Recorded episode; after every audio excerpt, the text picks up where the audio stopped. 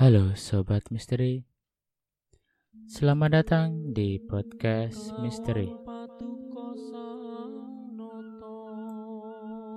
Kali ini aku akan bercerita mengenai hal yang sedang viral akhir-akhir ini. Cerita ini berasal dari tweet di Twitter dengan judul Sabda Palon Nagih Janji Link sumber cerita akan aku tuliskan di kolom deskripsi. Selamat mendengarkan. Siang itu, aku melihat banyak berita di media sosial mengabarkan tentang erupsi Gunung Merapi. Sudah lama memang Merapi batuk, mengeluarkan hujan abu dari puncaknya Sejak terakhir meletus tahun 2010, banyak kabar angin dari masyarakat yang bilang bahwa Merapi meletus mergo sabdo palon nagih janji. Entah apa maksudnya. Aku sendiri kurang paham sejarah perjanjian Mbah Semar dengan Brawijaya V ratusan tahun silam, seperti yang dibicarakan oleh orang-orang Jawa. Aku ingat saat Merapi meletus tahun 2010, waktu itu aku masih menginjak kelas 10 SMP. Bahkan, abunya sampai ke desaku yang jaraknya sangat jauh. Siang itu aku sedang di kampus, membaca artikel terkait erupsi Merapi. Aku terus berdoa Semoga semuanya baik-baik saja. Apalagi masyarakat yang tinggal di sekitar kaki gunung, semoga tidak ada korban dan tidak meletus lagi. Aku penasaran. Sebenarnya apa yang terjadi dengan Merapi? Mengapa Gunung Gegah itu kerap batuk? Dan apakah yang dibicarakan orang-orang itu benar? Sejenak aku memejamkan mata, membaca Al-Fatihah, merapal doa bagi leluhur dan penjaga Merapi. Pikiranku jauh melayang ke puncak Merapi dalam seketika. Aku melihat banyak sekali resi atau entah apa sebutannya. Mereka semua memakai seragam putih seperti sedang beribadah, memohon petunjuk, memohon perlindungan kepada Tuhan. Semua kepala menunduk, kaki bersila, dan tangan posisi memuja. Begitu banyak sosok baik di Merapi. Yang aku kagumi, mereka berdoa demi keselamatan manusia. Padahal, banyak sekali manusia yang lupa akan sejarah perjuangan dan lelakon hidup para leluhurnya. Banyak yang lalai dan bahkan tak mau tahu, tetapi mereka justru memohon keselamatan bagi manusia. Betapa tinggi jiwa ketulusan mereka. Aku amati hamparan ribuan resi itu mulai dari wanita sampai lelaki dan yang dituakan. Di sepertiga sebelum puncak, mereka terhampar mengelilingi gunung itu, lengkap dengan alat ibadahnya. Aku temui satu sosok resi, kemudian sebentar kami bercakap. Aku tanyakan, kenapa semua satrio di sini berdoa kusuk dan kenapa Merapi lagi-lagi batuk? Beliau menjawab yang intinya, Ger, semua yang doa di sini tidak ada satupun yang ingin Merapi meletus. Kami semua berdoa kepada Pangeran yang memiliki kehidupan supaya Merapi tidak meletus. Kami tidak ingin ada korban, baik di kalangan manusia maupun di kalangan bangsa kami. Ucapnya begitu halus, kulit keriputnya yang menandakan beliau telah sepuh, tapi masih sangat berwibawa dan tegas. Tetapi, jika memang sudah takdir yang ditetapkan Sang Yang Widi, maka kami tak bisa berbuat apa-apa. Mungkin Merapi sedang ingin berbicara, Ger. Meskipun orang Jawa sekarang telah banyak yang lupa akan sejarah perjuangan leluhurnya, dan sedikit yang masih menjaga adat, tradisi, dan budaya Nuswantoro. Kami semua selalu memohon keselamatan bagi bangsa Jawa. Mereka lupa apa itu Jawa, lupa unggah-ungguh, lupa sama jati diri. Semoga orang Jawa kembali seperti dahulu, Nger.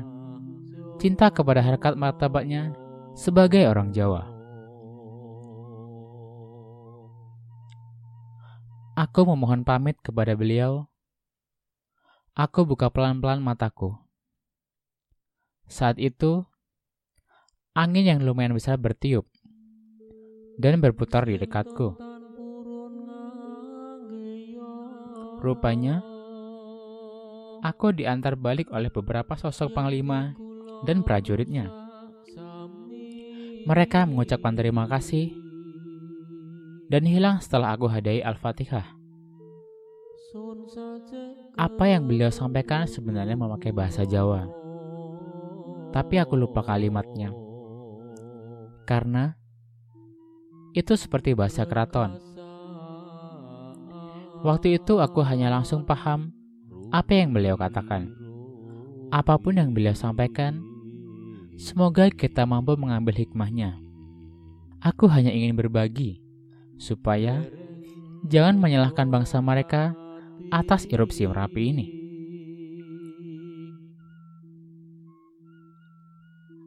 Malamnya, lewat mimpi aku kembali berkunjung ke sana, mengobrol lebih intens dan ikut sembahyang bersama mereka. Lalu, apa hubungannya erupsi Merapi dengan Sabdo Palon? Benarkah apa yang dipercaya masyarakat kita? Bahwa Sabda Palon nagih janji. Siapa sebenarnya Sabda Palon itu? Atau biasa dikenal oleh masyarakat Jawa, ialah Mbah Semar. Mungkin banyak orang yang mengetahui siapa beliau. Banyak pula yang tidak tahu. Saya jelaskan menurut kacamata sepemahaman saya sendiri. Sabdo Palon ialah tokoh penasihat raja-raja kerajaan Hindu-Buddha yang ada di Nusantara dulu. Beliaulah yang memberi petunjuk dan masukan-masukan. Oleh sebab itu, dikenal dengan sabdo atau ucapan. Sabdo Palon sebenarnya ialah Mbah Semar dikenal dengan sebutan Sabdo Palon lantaran beliau sering berucap, tak henti-hentinya menasihati raja-raja dari zaman ke zaman, sampai untuk terakhir menasihati Brawijaya V, seorang raja terakhir kerajaan Majapahit. Sabda Palon atau Mbah Semar ini kerap kita dengar sebagai sosok yang melawan para ulama Timur Tengah yang hendak menyebarkan Islam di tanah Jawa sehingga banyak perahu atau kapal mereka yang tenggelam di lautan sebelum mereka sampai di tanah Jawa. Lalu, diutuslah Syekh Subakir, seorang ulama ahli tarikat dan terkenal akan kesaktinya dari Persia. Banyak orang yang percaya bahwa Syekh Subahir melakukan peperangan dengan bangsa gaib tanah Jawa selama 40 hari 40 malam yang dipimpin oleh Mbah Semar atau Sabda Palon. Karena peperangan tak kunjung usai, atau bisa dikatakan Mbah Semar mulai kewalahan, akhirnya beliau mengizinkan Syekh Subahir menyebarkan Islam dengan beberapa syarat. Apa yang saya ceritakan ini merupakan kepercayaan turun-temurun masyarakat Jawa. Sehingga mereka memandang bahwa Mbah Semar ialah tokoh jahat yang tak mengizinkan Islam masuk Nusantara. Padahal, Mbah Semar yang memiliki nama asli Ki Semar Badrayana Barunding, yang mana Mbah Semar mengizinkan Syekh Subahir menyebarkan agama Islam. Dengan syarat salah satunya adalah membiarkan adat dan budaya bangsa Jawa tetap berkembang seperti seharusnya. Mbah Semar lantas mengizinkan pula penguasa dan raja-raja untuk menganut agama Islam. Apa yang dipercaya sebagai peperangan oleh Syekh Subahir dan Mbah Semar itu menurut penulis ialah keliru. Mbah Semar bukan berarti membenci agama Islam. Beliau hanya menguji sejauh mana kemampuan Syekh Subahir. Beliau akan membawa suatu perubahan yang besar. Peperangan itu pun tak dimenangkan oleh salah satu pihak. Sebelum Syekh Subahir bermusyawarah dengan Mbah Semar terkait maksud kedatangan beliau ke tanah Jawa, Syekh Subahir telah menanamkan punjer atau pasang di tempat tepat yang paling angker dan tempat yang memiliki daya magis luar biasa. Dengan cara menyebarkan hawa yang sangat panas, agar jin-jin atau bangsa lelembut yang sakti mandraguna tidak betah berada di situ dan akhirnya berpindah ke lautan. Jadi, pasak yang ditanam oleh Syekh Subahir bukan hanya ada di Gunung Tidar.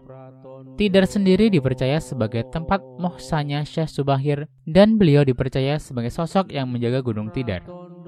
Banyak masyarakat yang kurang hati-hati dalam mempercayai sejarah dan mereka menelannya mentah-mentah tanpa mengkaji lebih dahulu. Banyak juga yang percaya, banyak juga yang percaya bahwa Kismar Badranaya dikenal sebagai sapu angin dan sapu jagat. Padahal mereka adalah sosok yang berbeda. Makam sapu angin dan sapu jagat berada di kawasan Sitinggil Mojokerto, yang juga merupakan tempat petilasan Barwijaya V. Mbah Semar Nage Janji sebenarnya berasal dari serat karya R. Renggawarsito yang berbunyi Pepestane nuso tekan janji Yen wus jangkap limang atus warsa Kapetung zaman islame Musno bali marang ingsun Agami budi mandek sawiji Takdir Nusa sampai kepada janji Jika sudah genap 500 tahun Terhitung dari zaman Islam musnah kembali kepadaku. Agama Budi berdiri. Saya pun tidak tahu apa itu agama Budi. Yang saya tahu adalah agama Kapitayan. Kepercayaan kepada Sang Yang Widi. Tetapi agama ini juga mengambil saripati kebaikan dari semua agama. Serat inilah yang menjadi asal muasal masyarakat Jawa percaya istilah Sabdo Palon Nagi Janji.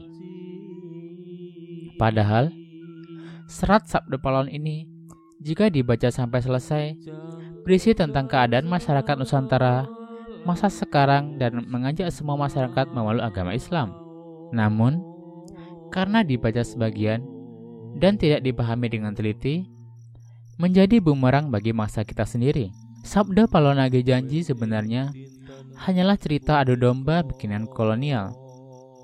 Tujuannya jelas supaya bangsa kita membenci leluhurnya sendiri dan akhirnya melupakan jasa-jasa nenek moyang kita. Jadilah seperti sekarang ini. Bangsa kita cerut marut tidak jelas oleh sebab pimpinannya tidak mengambil hikmah dari warisan yang telah dikasih nenek moyang kita. Masyarakatnya sendiri tidak peduli dan tidak mau mempelajari bagaimana sebelum bangsa ini berdiri ada banyak kerajaan yang sangat maju. Harusnya dijadikan cermin bagaimana negara ini dijalankan. Cerita bikinan kolonial lainnya ialah seperti mitos dilarangnya orang Jawa dan orang Sunda menikah oleh sebab perang bubat antara Majapahit dan Pajajaran. Lagi-lagi, sebagian masyarakat percaya cerita yang tak pernah terjadi itu. Bagaimana mungkin Mbah Semar, seorang penasihat raja-raja, nagih janji setelah 500 tahun kerutuan Majapahit dengan cara meledakkan gunung? Bagaimana bisa ia membenci masyarakat yang sangat ia cintai dan didoakan kebaikan setiap hari? Mbah Semar dipercaya moksa di alas Purwa Banyuwangi. Kelak suatu hari, kelak suatu hari, beliau akan kembali menasihati raja dan pemimpin kita yaitu Satrio Piningit. Tak lama lagi.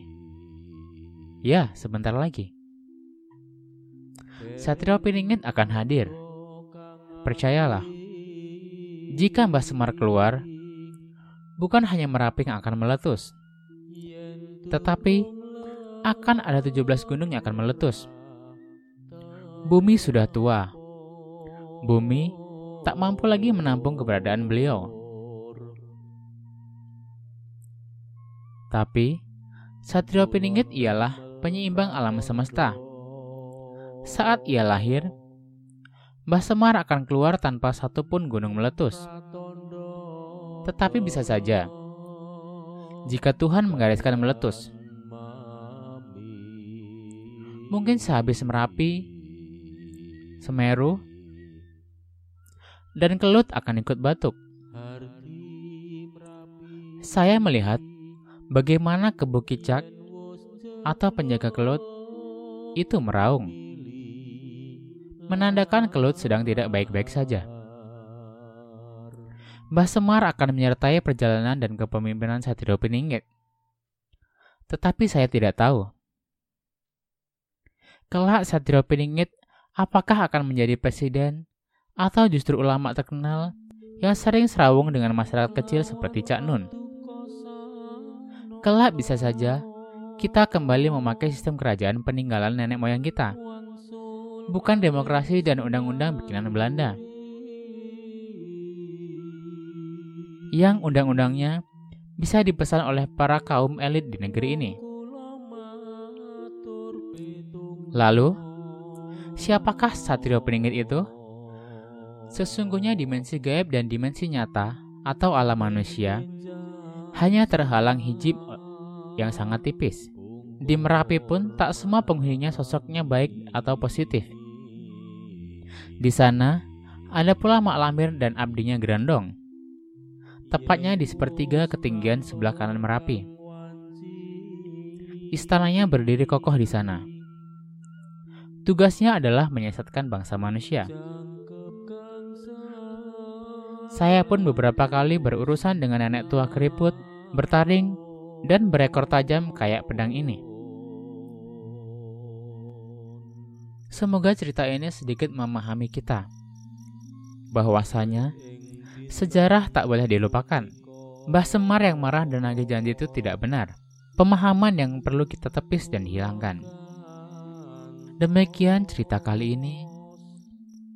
Kalau sobat misteri mempunyai pendapat lain tentang hal ini, silakan tulis di kolom komentar. Terima kasih dan sampai jumpa.